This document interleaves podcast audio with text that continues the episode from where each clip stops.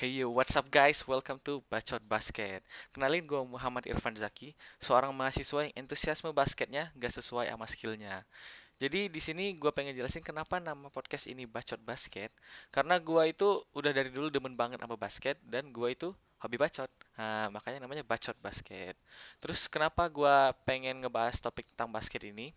Jadi gue itu udah mulai bas mulai main basket semenjak SMP karena basket itu jauh lebih seru daripada bola. Nggak jadi badan gue itu dulu gede banget.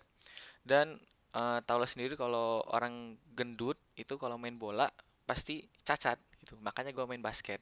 Ya gue dijadiin big man pada waktu itu dan gue bisa nabrak orang seenaknya. Jadi di sini gue pengen ngejelasin kenapa lu pada harus kudu bisa nonton NBA karena dibandingkan dengan tahun-tahun yang lalu NBA tahun ini bener-bener ju apa perselisihan persaingan itu sangat ketat gitu. Karena dibanding misal tahun-tahun lalu itu dari tahun 2015 itu Cleveland lawan Warriors terus itu sampai tahun 2018 terus baru beda itu pada tahun, tahun 2019 di mana Warriors bertemu dengan Toronto Raptors dan Toronto Raptors menjadi juara. Nah tahun ini jadi lebih gila lagi karena pemain-pemain itu pada pindah tim semua gitu loh. Dan bergabung dengan pemain yang lain.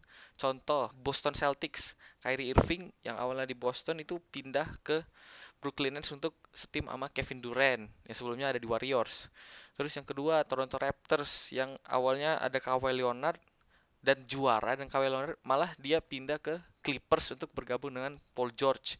Kemudian di Los Angeles Lakers itu ada LeBron James yang tahun kemarin dia walaupun cedera dan gak main gak main gak masuk playoff tahun ini dia bergabung dengan Anthony Davis coba gila kan terus ada juga tim-tim muda yang sedang naik daun. Contoh Dallas Mavericks yang ada uh, si Luka Doncic first pick tahun lalu dan rookie of the year tahun lalu dan yang bergabung dengan Kristaps Porzingis yang walaupun tahun kemarin cedera, tahun ini udah bagus banget mainnya.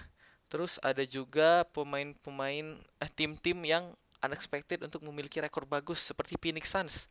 Tahun kemarin itu Phoenix Suns rekornya apa ya? Jadi juru kunci klasmen kalau nggak salah.